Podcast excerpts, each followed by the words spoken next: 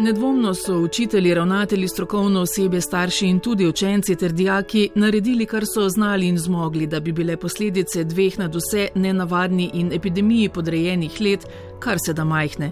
A ukrepi so bili za mnoge zelo škodljivi, predvsem pa odločevalci mladih sploh niso razumeli kot ranljivo skupino. Tudi na pristojnem šolskem ministrstvu so zgolj obljubljali, da se bo šolski proces prilagajal otrokom in primankljajem, ki so pri njih nastali.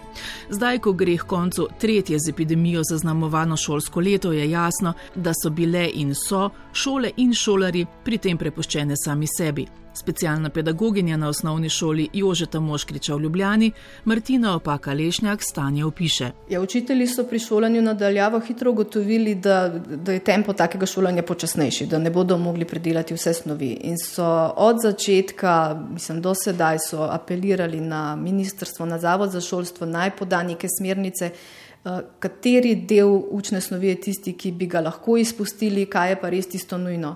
Žal tega odgovora ni bilo, tako da je bil vsak učitelj prepuščen svoji sicer strokovni, ampak kljub vsemu taki individualni presoji, uh, kaj pač bo izpustil. Včasih uh, tudi se ni dalo načrtovati, kaj pravzaprav izpustiti, enostavno za kakšne snovi zmanjkalo časa.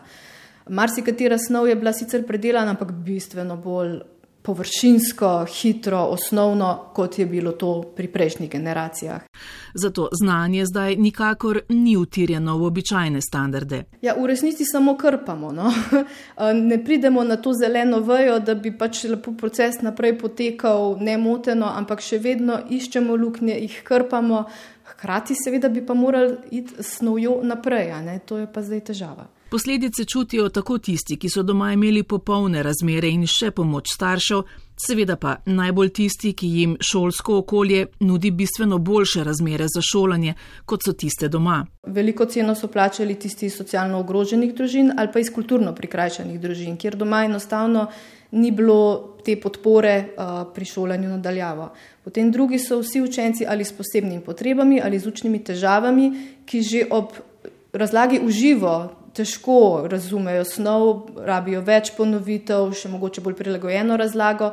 Doma verjamem, da so starši naredili vse, da bi to um, nekako premostili, ampak kljub temu, no, pač te so še težje sledili snovi in imajo zdaj morda zato še večje luknje. Potem je ena skupina učencev, ki ima v osnovi tako malo težave z motivacijo. In zdaj, če ni te motivacije, da je pred tabo ocenjevanje, da je pred tabo učitelj s svojimi zahtevami, da je pred tabo delovni zvezek iz papirja, ne, ki te gleda prazen in ga moraš izpolniti. Ampak si doma, ne vem, na kavču, šola je samo tam na tistem majhnem ekranu um, in taki so potem tudi odplavali. Um, torej, ta motivacija je doma težje um, dosegljiva kot v šoli in te so spet predelali svoje luknje. Učenci, ki so imeli že pred epidemijo prepoznane in s tako imenovanimi odločbami priznane primankljaje in učne težave in zato z odločbo določeno tudi pomoč, so bili med epidemijo praviloma deležni dodatne strokovne pomoči, ki jim pripada po odločbi. Učenci, ki imajo pa samo učne težave, torej ne posebne potrebe, ampak vseeno na podoben način potrebujejo več dodatno razlago, Te pa te podpore niso imeli, so bili pa zelo prepuščeni sami sebi, še posebej tisti, ki um, niso imeli ob sebi starša, ki bi lahko nadomestil um, tako pomoč. Um, tako da tisti so se morali pa kar precej znati sami in so se znašli pogosto tako, da se pač niso znašli, oziroma so se znašli napačno. To so potem te, ki zdaj imajo precejšnje luknje v znanju ali pa so se kakšno stvar naučili na robe. Marsikdo je uh, narobe razumel razlago in potem prav vadil, se naučil napačnih postopkov. Te napačno naučeni postopki so potem velik problem, ko je treba jih najprej opaziti, da se je otrok nekaj naučil na robe. Če bi se to dogajalo v šoli, je povratna informacija običajno takojšnja ne, ali pa zelo hitra. Tukaj se je pa šele po mesecih, recimo pri vrnitvi v šolo, opazilo, da se je otrok naučil nekaj napačno in to je zelo težko prenaučiti. Še zmeraj pa je pri nekaterih problem tudi to, da so starši hote ali posili razmer doma prevzemali učiteljsko in nadzorno vlogo, ki se z vrnitvijo otrok v šole ni zares končala, opozarja specialna pedagoginja. Pri nekaterih učencih, ki so imeli to sicer zelo dobro in dobrodošlo pomoč staršev doma, opažamo, no, da so izgubili še en del samostojnosti. Mi smo zelo v šoli vedno delali na tem, da um, učenec čim več poskusi naredi sam, tudi če ni popolno. Uh, nekateri so imeli zelo uh, bogato pomoč doma in ti so se zdaj na, na njo navadili. Zdaj, ko je pa v šoli za šolsko klopjo, ko moraš sam rešiti nalogo, uh, se pa kar nekako ne znajdejo. Tako da en del samostojnosti je pri nekaterih odšel. Pri drugih pa opažamo tudi skrhanje odnosov med staršem in otrokom. Starš je še bolj, uh, še večji pogled ima v to, kaj se v šoli dogaja, oziroma tudi zdaj opaža lahko padec ocen zaradi slabega dela zadnji dve leti nadaljavo.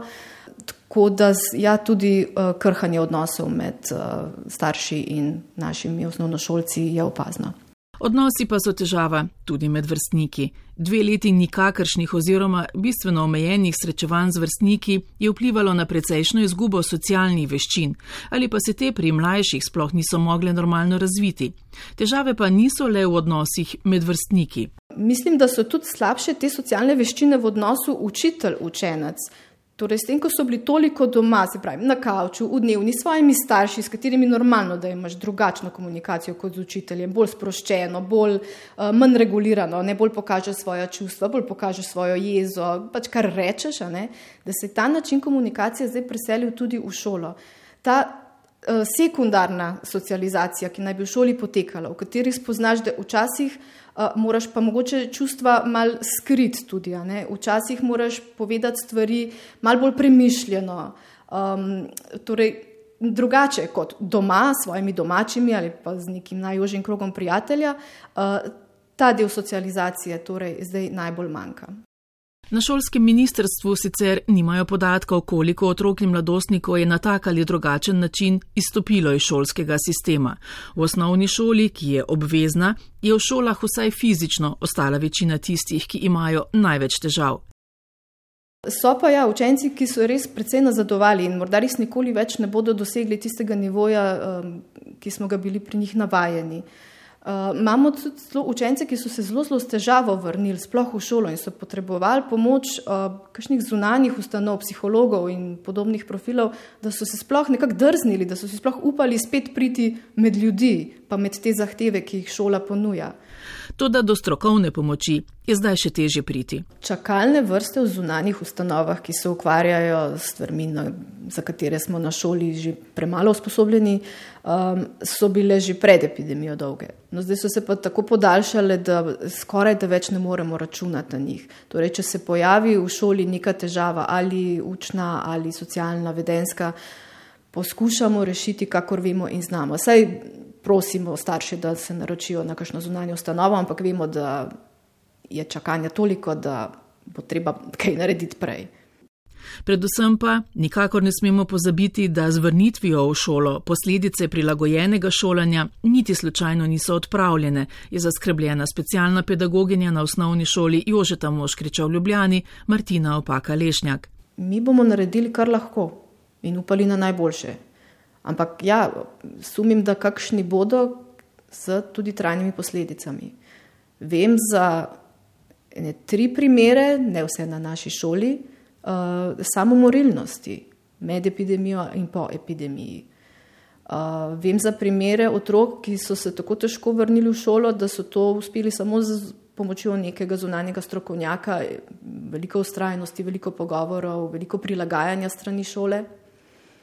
Um, vem za učence, ki jim je učni uspeh močno padel in to samo zaradi načina, no, kako poteka dela nadaljavo.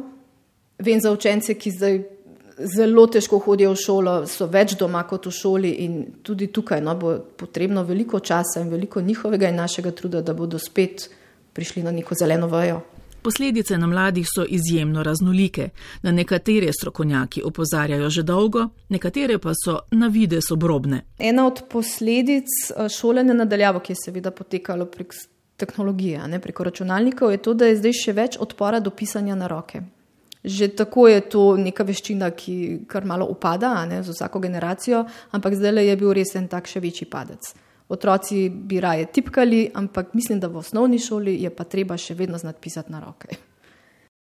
Vsa hektičnost, nedorečenost in neenotnost sta na otrocih, sploh devetošolcih, postila negotovost, ali znajo toliko, kot bi morali, kako je njihovo znanje primerljivo z vrstniki na drugih šolah in ali bo zadoščalo za zahteve srednjih šol, v katere so se upisali. Še posebej zato, ker ocene, ki so sicer že zdavne iztirile iz Gausove krivulje, pogosto niso bile odraz dejanskega stanja. Otrokom pa ni bilo v pomoč tudi nenehno zatarjevanje pristojnih, da šolanje nadaljavo in druge prilagoditve potekajo odlično in da težav tako rekoč ni. To, da ministrstvo vse čas razlaga, kako vse uh, poteka v redu in kako ni nobenih posledic, je kar malo omalovažujoče. Tako da ljudi, ki delajo na šoli, še bolj pa do otrok, ja, ki pravzaprav bi res bili upravičeni do tega, da um, se prizna, da nekaj ni bilo v redu in da potrebujemo čas in potrebujemo delo, da se to popravi.